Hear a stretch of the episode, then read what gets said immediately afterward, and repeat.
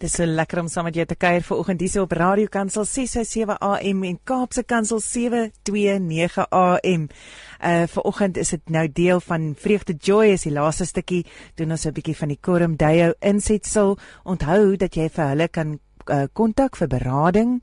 Uh uh en hulle is vir hulle gratis berading uh kan jy vir hulle kontak op 012 998 9083 012 998 9083 en dan kan jy ook as jy nie uh, in tydens hulle kantoortye is 8:30 tot 1:30 of jy kan vir hulle dan 'n WhatsApp stuur by 076 135 7369 ons gaan weer sê dis 076 135 7369 7. Kontak hulle gerus uh as jy iets op die hart het uh en uh wil gesels daaroor. So ehm um, vir oggend word ons uh, die via Zoom van uit die Kaap uit ehm um, gejoin hierso uh, deur Henny Swanepoel. Hallo Henny, hoe gaan dit? Goed om jou Berta. Dis lekker om jou te gesels hoor. Dit gaan goed. Baie dankie dat jy inskakel vir oggend. Uh ek vertel die luisteraars 'n bietjie meer van jou. Wie is Henny Swanepoel? Jong, dis nogal 'n moeilike vraag om so vinnig te beantwoord, maar ek sal probeer, hoor. Maar sê vir my, jy in Pretoria se radiokansel kantore. Ek is, ek is in Pretoria se radiokansel studios, ja. Studente daar gewerk, hoor. Ek flanks moet terugvind. Ehm um, ja, as ek iets vir myself moet sê, ek kan maar net sê ek het in Stilfontein in Klerksdorp groot geword en toe ek in Potchefstroom gaan studeer, sielkunde onder andere gedoen en uh, toe is ek Pretoria toe na Tikkies toe daar het teologie geswat en toe was ek in die lugmag en toe was ek in van die boupark Suid NG Kerk dominee gewees toe in Melkbosstrand gewees en so 3 jaar 3 en 'n half jaar terug is ek weg by Melkbosstrand ek het verlede jaar die voorreg gehad om vir so 8 en 'n half maande in in Nysna kerk te gaan te gaan help Ja, en terwyl ek van 'n bou was, het ek sommer besluit ek wil nog verder leer en toe het ek bietjie narratief geswat. Ehm um, Ah, narratief. Ja, narratiewe terapie, dit is wat Coram Deya nogal uh voor bekend is, is hulle is, is narratiewe terapie. Vertel ons 'n bietjie meer van dit uh hoe dit werk vir jou.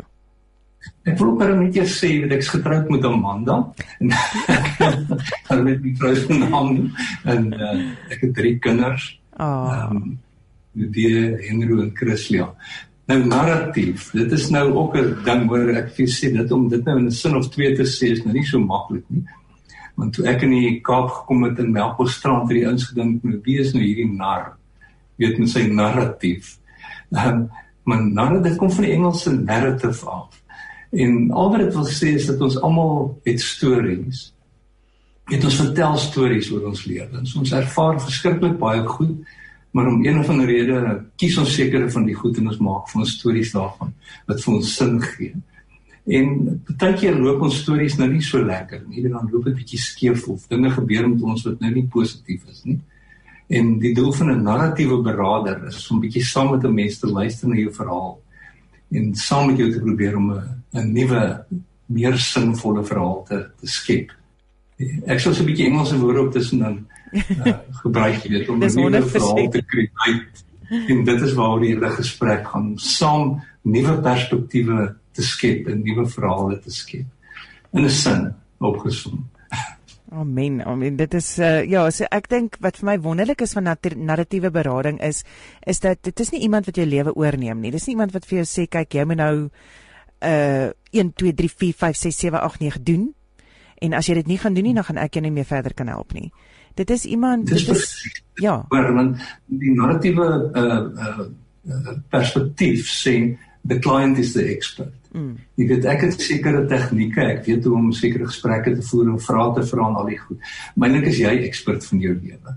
En elke persoon verskil. Dit gaan nie oor raad gee wat een raad wat vir almal gaan werk nie.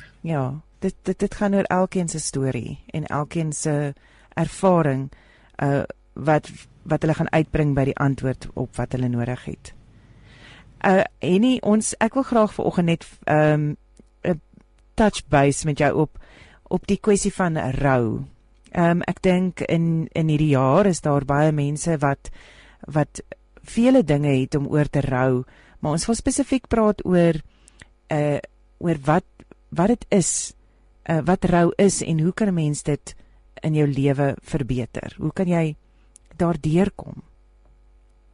Sjoe, ja, dit rou is nou nie die maklikste ding om oor te praat nie. Mm. Want dit is net een van die seerste seer wat 'n mens in jou lewe beleef, jy weet, as iemand naby aan jou doodgaan. Ehm um, weet mense, ek het al mense gepraat wat verskillende maniere gebruik het om dit te probeer beskryf. Een vrou het vir, my gesê dat dit gevoel of my selle ontplof. Jy weet hoe man dood is. En 'n uh, ander een het sê die hele landskap het verander. Alles is is anders as wat dit voorheen was. 'n Ander vrou het weer gesê dat het, ek het soos die twin towers gevoel. Ja. Dit so as as dit met 'n mens gebeur dan dit is dis is 'n stuk seer, jy weet en, en elke mens het sy eie belewenis daarvan.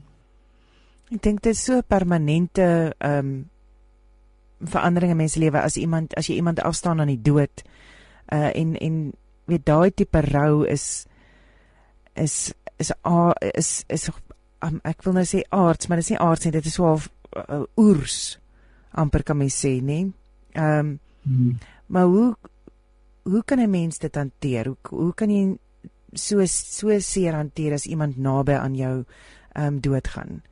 Ehm um, en ek dink ek wil net ek dink die mens kan ooit regtig dit daaroor kom en dit vergeet en daai persoon vergeet nie. Ehm um, ek dink dit was een van my grootste vrese is dat ek sal vergeet hoe daardie persoon invloed op my lewe was. Maar hoe hoe hoe hanteer mens die seer?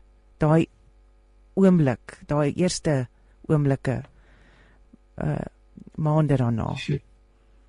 Ek ek gaan probeer om so 'n bietjie daaroor te praat. Mm. Maar ek wil ook nie sê dat ek nou alle wysheid in pag het nie, jy weet, en dat ek nou ehm um, sommer net nou skielik net 'n quick fix sal gee en alles is sommer net gesond en reg nie. Um, as ek dink aan aan algemene raad wat mense vir ou gee, jy weet hulle kom baie keer dan sê hulle vir ou man iewers moet nou oor dit kom. Ehm um, of hulle kom met hierdie goedjies wat hulle sê maar die Here pluk die mooiste blommetjies. Of ja, jy weet die Here het hom nou nodig gehad daar in die hemel vir wat ook al. Ehm um, daar was baie diskoerse wat in die samelewing hardloop oor die hantering van rou en die kleure, jy weet as ou dink aan die swart kleur, dis daar sien mense dit nie meer so baie nie. Maar ek onthou toe ek klein was, my oupa is te dood op 'n punt en, en ek moes so 'n uh, uh, bandjie om my arm dra, so swart bandjie wat almal kon sien, jy weet iemand naby my is dood. So. So jy weet almal ek weet nie of of of jy dit geken het nie, jy weet maar die bandjies, mense al het in die kerk ook gesien, jy weet sê ons met die bandjies, dan weet iemand naby hulle is nou oorlede. Maar mense mense kom met raad en uh, hulle probeer goed doen. Jy weet en hulle probeer regtig om ou te help. Ek ek ek kry die idee baie keer weet mense ook nie presies wat om vir ou te sê nie. Jy weet want dit is dis mos 'n unieke belewenis hierdie. Maar die oorkoepelende gedagte as as ek daaraan dink of hoe dit vir my lyk gaan oor afskeid neem en afstand. Mm. Jy weet dis soos 'n graf. Daar sak die kus dis afstand, afskeid neem. Uh, soos die Engelse sê dit is goodbye, goodbye sê. Maar uh, soos jy sê, jy weet eh, elke mens hanteer dit anders. En dit mens eintlik probeer onthou. Um, op 'n stadium is um, twee van my kollegas se vrouens in 'n kar ongeluk dood, weet op een slag. En 'n vriend in die gemeente het probeer om my een kollega aan die hande te kry om hom gaan troos het. En toe hy daar kom te sy kollega daar onder by die vrugtebome agter in die erf en hierdie vriend het probeer nader gaan net om bietjie met hom te praat want hy wil hom ook troos en bietjie moed en praat. En my kollega het net so gesit en net vir hom gewys. Wel, los my net. Mm. En die ou het baie negatief gevat, weet en hy probeer om hom te gaan raad gee, maar op daai stadium is dit wat wat my vriend nodig gehad het. Weet net om vir 'n oomblik rustig te wees om, om oor hierdie skok te kan kom. Ja. Ehm um, jong ek praat nou te veel. Jy moet my stil maak te veel praat want ek het, ek dink ek het te veel goed om te sê in 'n halfuur se tyd so ek het soms storieetjies om te vertel en alles en ons kyk maar hoe ver kom ons. Ek dink miskien is iemand Ja, en, nee, en ek dink mense leer uit ander mense se ervarings en so aan en en en, en dis daai groot ding van dit wat sin maak pas 'n mens toe op jou lewe. Ehm um, wat wat ek ek sien jy jy het vir my ietsie geskryf oor die herinnering gesprekke. Uh, vertel ja. my dit want ek dink dis nog 'n wonderlike konsep uh om om tuis te bring. Ek gaan ons so 'n bietjie met 'n draai vat, jy weet, ehm um, die narratiewe benadering wil eintlik sê elke persoon is uniek. En mens gaan nie vir 'n persoon raad gee en sê dit en dit en dit nie. En mens gaan ook nooit iemand kan help al het jy watse grade ook al en watse berading en terapie. Jy gaan nooit iemand regtig kan help om van hierdie verskriklike seer binne in ons laat raak. Ja. So die narratiewe perspektief sê net it's it's not getting them over death but a way to create a context to live with them en uh, Michael White is hy's nou die groot fundie of die beginner van van narratiewe terapie uit in Australië gebly. En hy teenoor hierdie idees van afskeid neem en totsiens sê.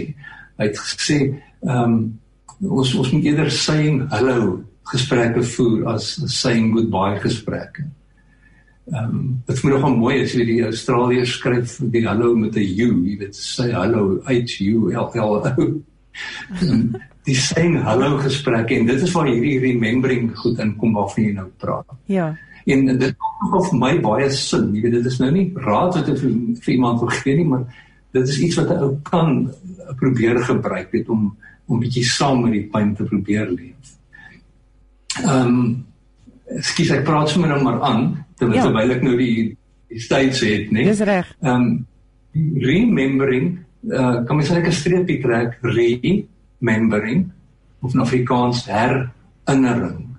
Ja. En dit beteken die persoon wat oorlede is om nie finaals net kobai te sê nie, maar om om te besef maar iets van daai persoon lewe nog hier binne in my. Herinner hom op 'n manier.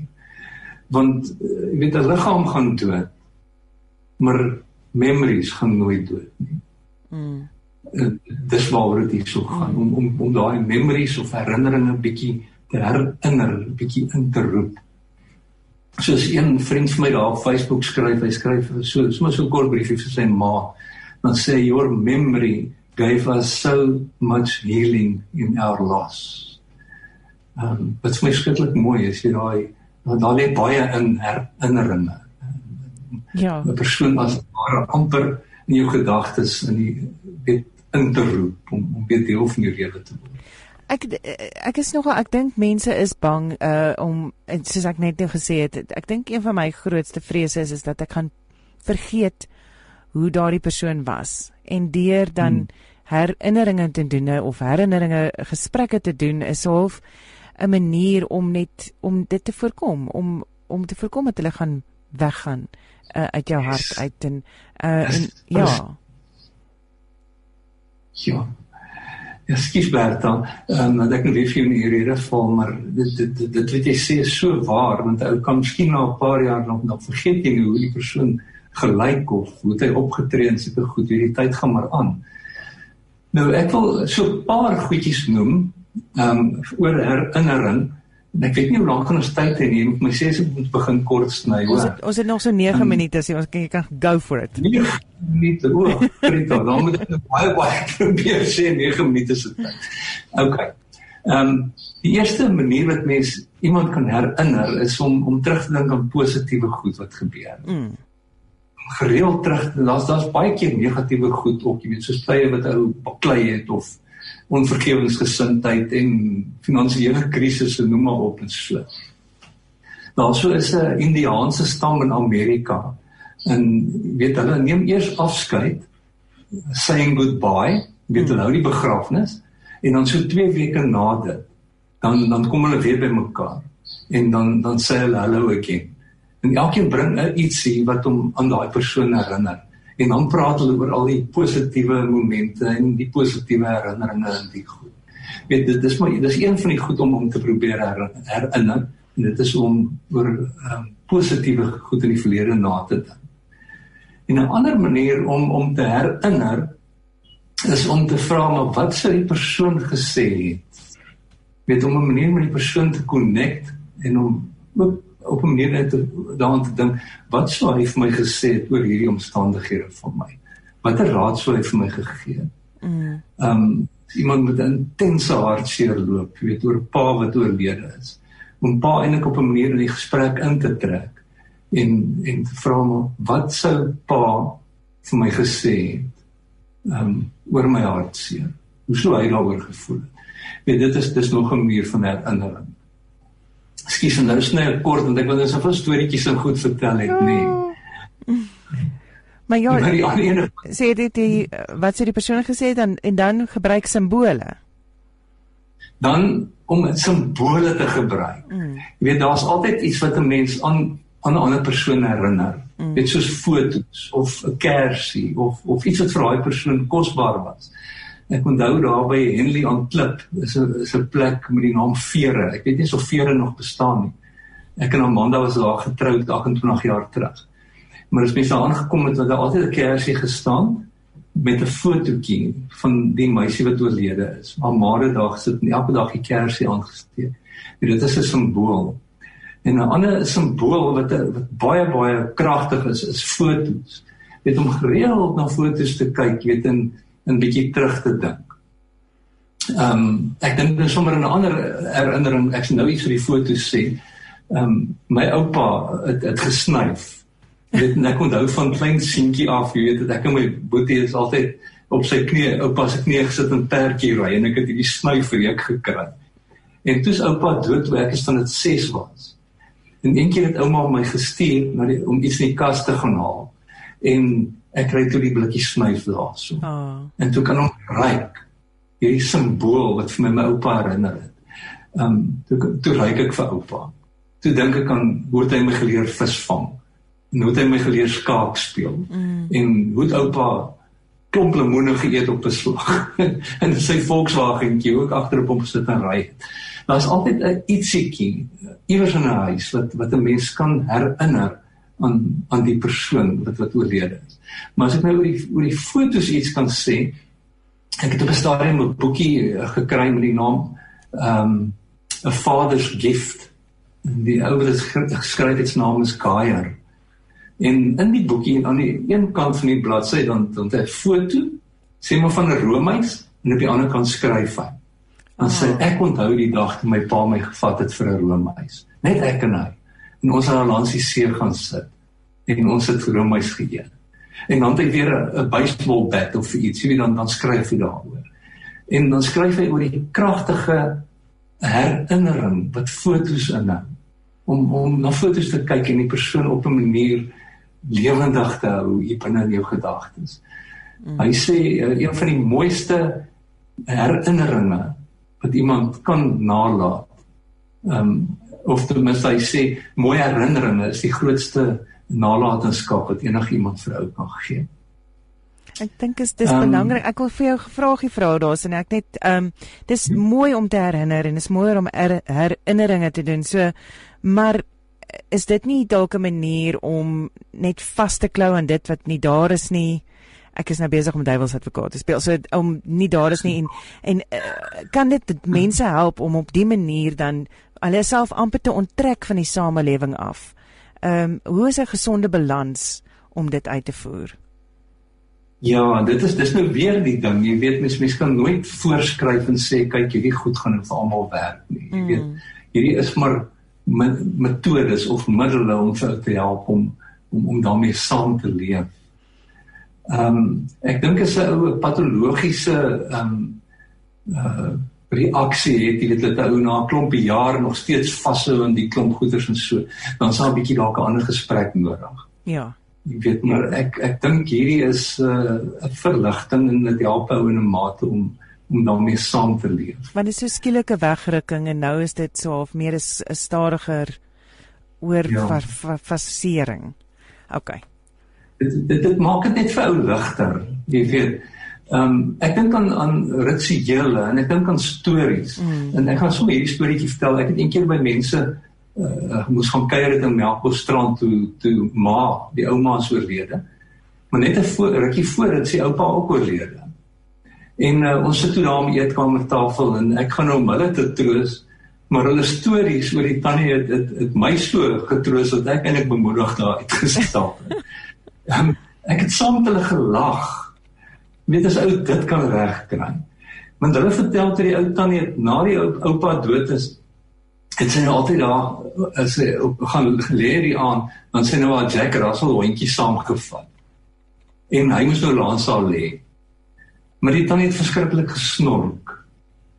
En een aand word sy wakker van hierdie geweldige geraas, toe staan die hond vier pote bo op haar en hy blaf vir haar om haar wakker te kry.